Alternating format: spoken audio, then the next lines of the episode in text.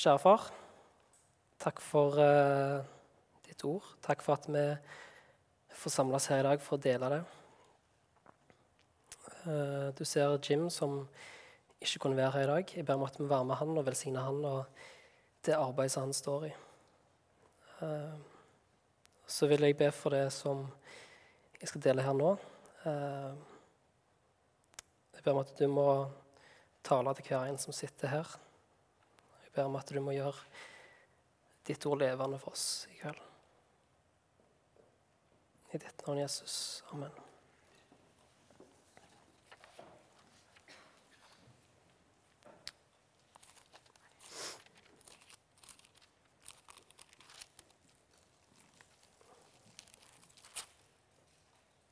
Gud sa La oss lage mennesker i vårt bilde så de ligner oss. De skal råde over fiskene i havet og fuglene under himmelen, over fe og alle ville dyr og alt krypet som det kryr av på jorda. Når Gud skapte mennesket i sitt bilde. I Guds bilde skapte han dem. Dette er vårt utgangspunkt. Her starter vår historie som menneske, men òg her starter utgangspunktet for det temaet vi skal ta for oss i dag. Eh, se oss sjøl og se vår neste i Guds øyne. Gud rådslår med seg sjøl i treenigheten, eh, og han blir enig med seg sjøl om at eh, vi lager mennesker i vårt bilde, så de ligner de sjøl. Det legges ned et ansvar i mennesket om å forvalte skaperverket. Alle fiskene, fuglene, alle kryper. Og mennesket innprentes sånn Guds bilde. Mennesket blir gitt å representere Guds kongedømme på jorda. Mennesket blir en refleksjon av Guds majestet. Vi er kalt og skapt fra begynnelsen av til å være ambassadører for Gud. Samtidig så er det noe som heter syndefallet, som kom inn og ødela noe av dette bildet. Det er en kar som heter Francis vet ikke om jeg uttaler det riktig, men han har eh, sammenligna det falne mennesket med Han kaller det 'the glorious ruin', tror jeg. Eller en fantastisk ruin. Det er liksom som man kan tenke seg at han står framfor en sånn flott slottsruin. Der en ser liksom eh, gamle dagers storhet og hvor flott dette må ha vært en gang i tida. Eh, alle som gikk inn og ut, og alle utsmykninger og alt mulig. Du kan ane hvordan det en gang var. Men nå ligger dette slottet i ruiner, tomt og øde. Slått i stykker, råtna. Og sånn er det med menneskene òg. At eh, de er skapt i Guds bilde, men i og med syndefallet så blir det lagt i ruiner av synda. Men når Jesus kommer inn i bildet, når han dør for oss Jesus som ikke hadde fått dette bildet ødelagt av synd. Og når han kaller oss til å følge han, så kaller han oss til å følge en vei tilbake til det fellesskapet og samfunnet med Gud som vi opprinnelig var både kalt og skapt til. Tilbake til å være skapt i Guds bilde uten denne synda som legger det i ruina. Vi skal kle oss i det nye mennesket som er skapt etter Guds bilde, til et liv i rettferd og hellighet etter sannheten. Det er litt det vi har vært innom de første helgene nå etter, eller med oppstart og helgen etterpå. Dette med å bli fornya. Og Konsekvensen av dette det finner vi igjen seinere òg i, i Matteusevangeliet, um, i bergprekenen. Jeg kan slå opp i kapittel 5,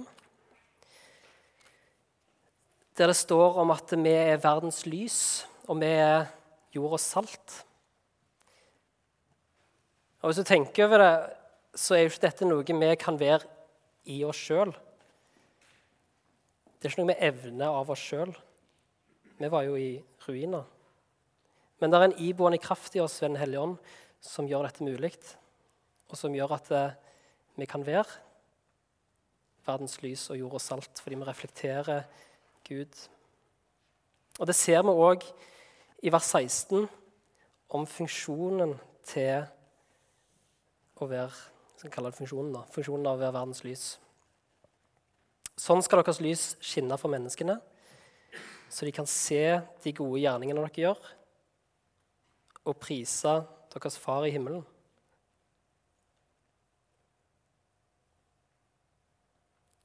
Når vi er ambassadører for Gud og reflekterer Han, så blir resultatet at de rundt oss ser mer av Gud. Vår far prises, ikke oss sjøl.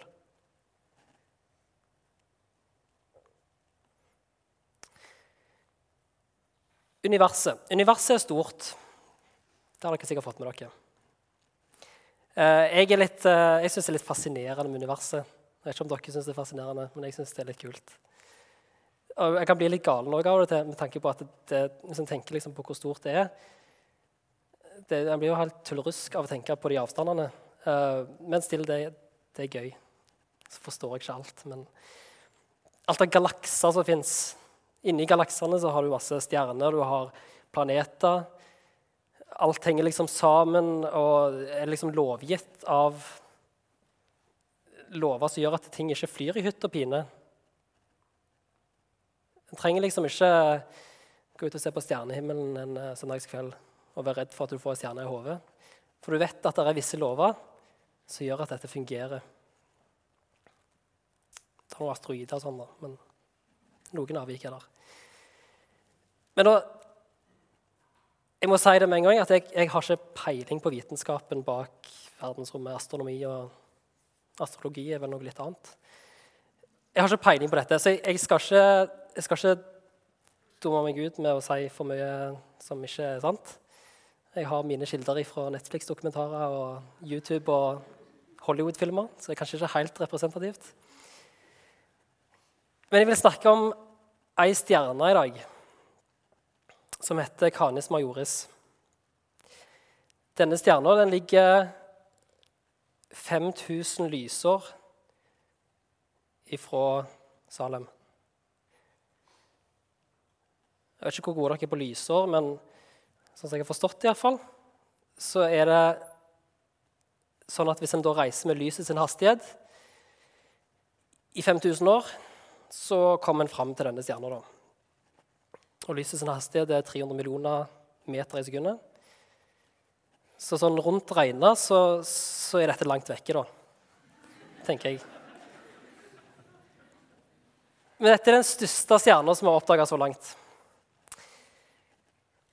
Og For å sette det i perspektiv, så hvis en tenker seg at eh, jorda er så liten i diameter som en, som en golfball, så ville diameteren på denne stjerna da vært eh, ca. høyden på Mount Everest. Rundt en 8800 meter eller noe sånt. Så kan du se for deg det står på toppen der, og så legger du den litt i golfballen oppå der, og så er det Mount Everest i sammenligning. Eller hvis du tenker at du kan få plass til sju billiarder jordkloder inni denne stjerna. Det er ganske mange. Det er like mange som hvis du har areal av Frankrike, så kan du dekke hele Frankrike med en halvmeter av golfballer. Dere skjønner at det er store stjerner. Det er poenget mitt her. Og Det er ikke sikkert at eh, David kjente så mye til dette her når han skrev salmene. Det tviler jeg egentlig på. Men han har allikevel fått se noe av Guds storhet i skaperverket. Han skriver det i Salme 8, for vers 4-5. Når jeg ser din himmel, et verk av dine fingre, månen og stjernene som du har satt der, hva er da et menneske? At du husker på det? Et menneskebarn? At du tar deg av det? Ting settes litt i perspektiv når det er den samme skaperen som har skapt denne gigantiske stjerna, som òg har skapt meg og deg, David skriver det seinere i eh, Salme 139.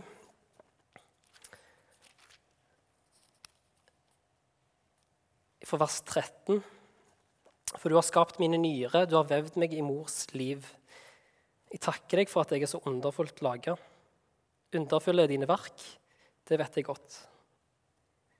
Knoklene mine var ikke skjult for deg da jeg ble lagd på hemmelig vis og vevd dypt i jorda. Dine øyne så meg når jeg var et foster. Alle dager er skrevet opp i din bok, og de fikk form før en av de var kommet. Han som har skapt himmelen og månen og stjernene, han har vevd oss i mors liv. Hva sier det oss om hvordan vi blir sett i Guds øyne? For meg så vitner dette om en enorm omsorg og kjærlighet. Vi elsker ikke bare kollektivt, for så høyt har Gud elska verden, det, men det gjelder individuelt. Gud elska deg så høyt at han ga sin sønn for at du ikke skulle gå fortapt, men ha evig liv. For at du skulle komme tilbake. Nettopp deg skulle komme tilbake til fellesskap med Gud. Jesus døde for nettopp deg og meg. Og i dette store universet så ser han nettopp deg og meg. Det er den verdien vi har i Guds øyne. Og når vi bekjenner Jesus som Herre og Frelser i våre liv, så ser Gud på oss gjennom den linsa som Jesu død på korset er for våre overtredelser. Og når en vet alt dette, så burde det forme litt om hvordan en ser på seg sjøl. Og det bør òg få konsekvenser for hvordan vi ser på de rundt oss. Så hvis vi tar våre søsken, da, våre brødre og søstre i trua Når vi har sett på disse tekstene nå, så tipper jeg at de fleste av dere har eh, anvendt de på dere sjøl. Og det er helt greit, for det er det jeg har lagt opp til òg. Men det er jo noe som gjelder for den som sitter på sida av deg. Se litt på de som sitter på sida av dere, høyre og venstre. Hyggelig. Dette er òg mennesker som er skapt i Guds bilde og lagt i ruiner av synder, men som er skapt til å være Guds ambassadører. Som er kalt til å ikle seg det nye mennesket, skapt i Guds bilde. Det mennesket som Gud har omsorg for, og som han har vevd i mors liv. Det mennesket som Gud ønsker å ha samfunn med. Og Vi kan aldri sjøl vite på forhånd hvordan Guds bilde skal se ut hos naboen vår. Det er alltid en helt ny form, det er skapt av Gud, og det ser kanskje annerledes ut enn det vi hadde tenkt oss. Det kan være vrient av og til at det krasjer med våre forventninger, men sannheten er at Gud ikke har skapt andre sånn som jeg ville gjort det. Han har skapt sånn som han har tenkt det.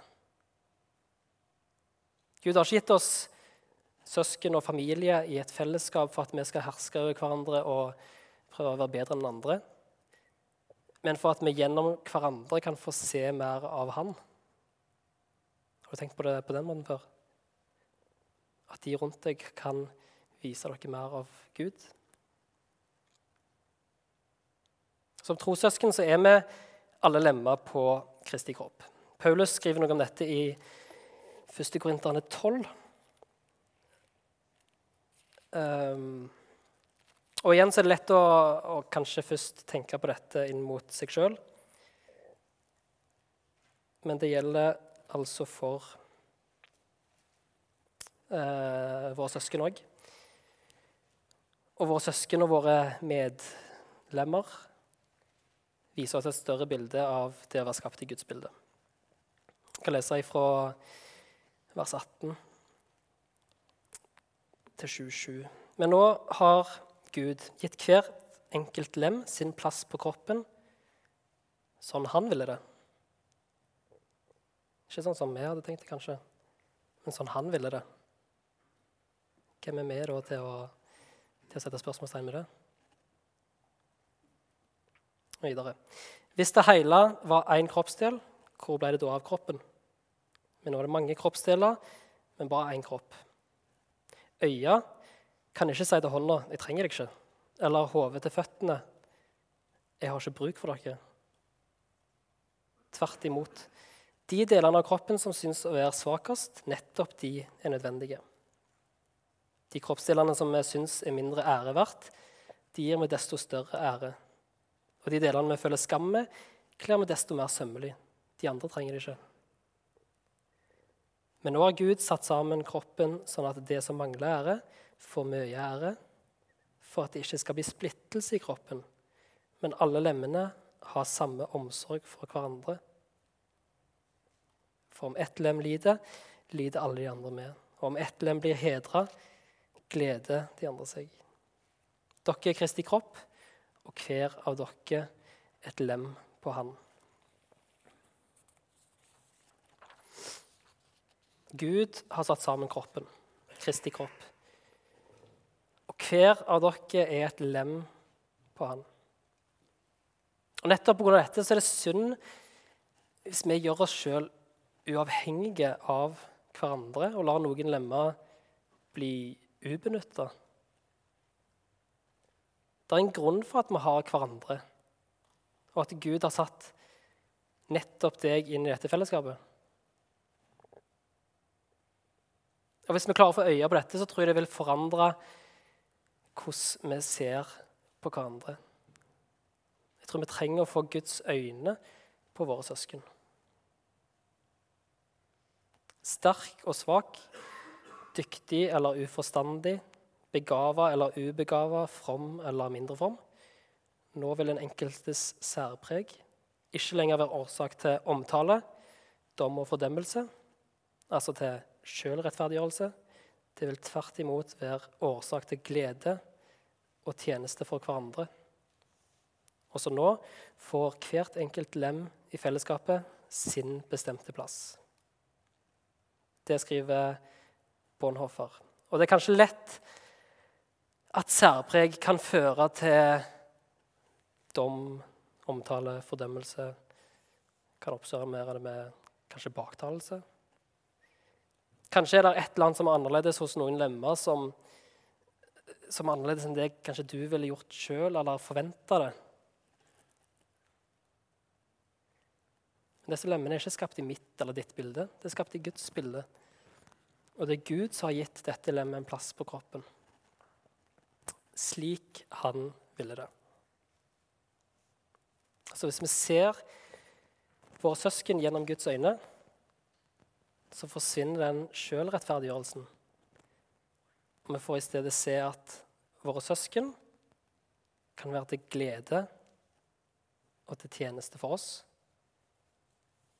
Og motsatt, at vi kan være til glede og tjeneste for våre søsken. Vi får tjene hverandre, vi får være til glede for hverandre i søskenfellesskapet. Men det er òg et fellesskap som er til for at vi kan få veilede hverandre Våre søsken er faktisk vårt ansvar. I Matteus 18, eh, vers 15-17, eh, så sier Jesus det til disiplene at dersom din bror gjør en synd mot deg, så gå til han og still han til ansvar på tomannshånd.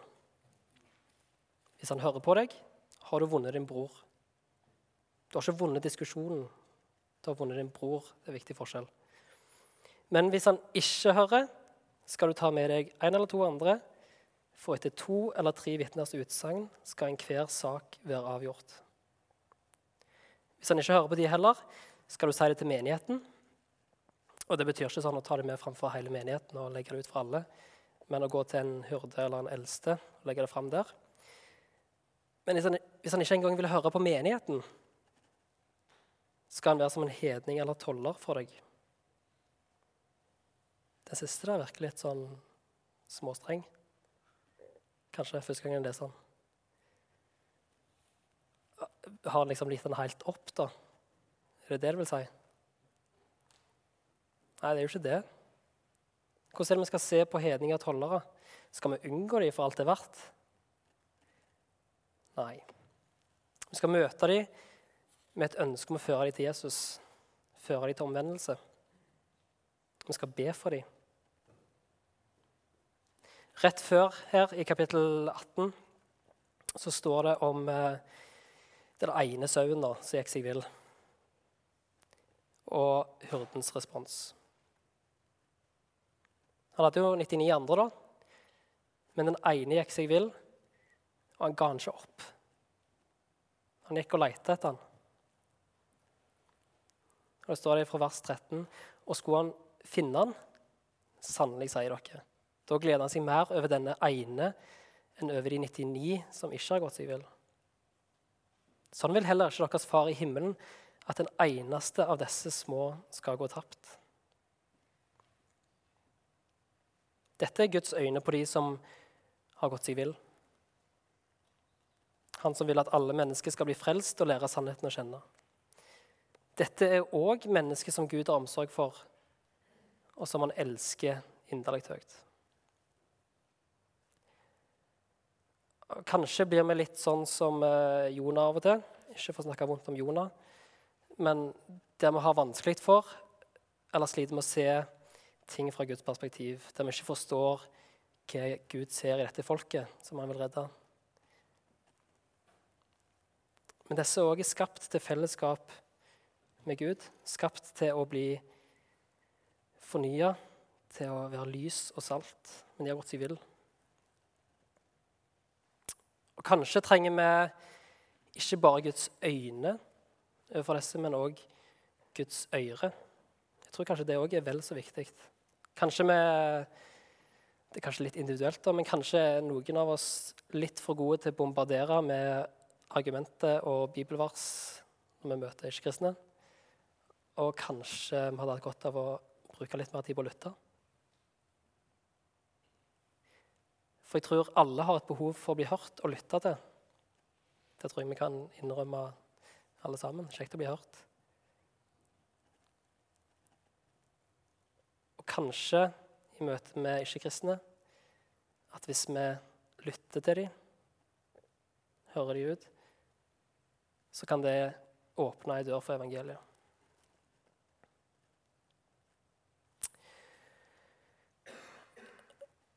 Jeg vet ikke hva du sitter igjen med nå etter talen. Kanskje var det mest dette med Guds øyne på deg sjøl. Kanskje var det mer overfor uh, Simon din eller din neste. Kanskje var det mest overfor de som ikke kjenner Jesus. Kanskje sleit du med å henge med. Men jeg håper at dette er noe som kan fortsette å ta med seg. Både for vår egen del, huske på hvordan Gud ser oss og vår neste. Men jeg tror det òg er utrolig viktig for Salem sin del å ta med dette videre.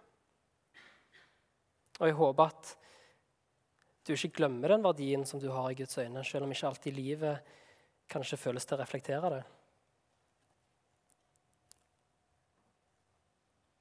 Og så håper jeg at vi som søsken kan få være til glede for hverandre, at vi kan tjene for hverandre, og at alle kan få ha sin bestemte plass i fellesskapet. At vi kan verdsette at Gud har skapt oss forskjellige. Noe som viser oss mer av skaperen, heller enn at det fører til at vi blir sjølrettferdige, og at vi baktaler hverandre.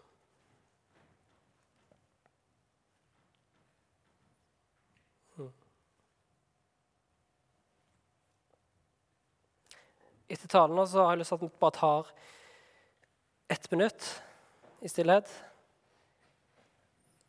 Der Før vi får en solosang. Der en kan få lov til å snakke litt med Gud om hva, hva gjelder mest for meg i dette her. Hvor er det jeg trenger å få mer av Guds øyne? Er det overfor meg sjøl, eller er det overfor neste? Og så vil det òg åpnes for eh, forbønn etterpå. Så om det er noe du har lyst til å legge fram der, så gjør gjerne det òg.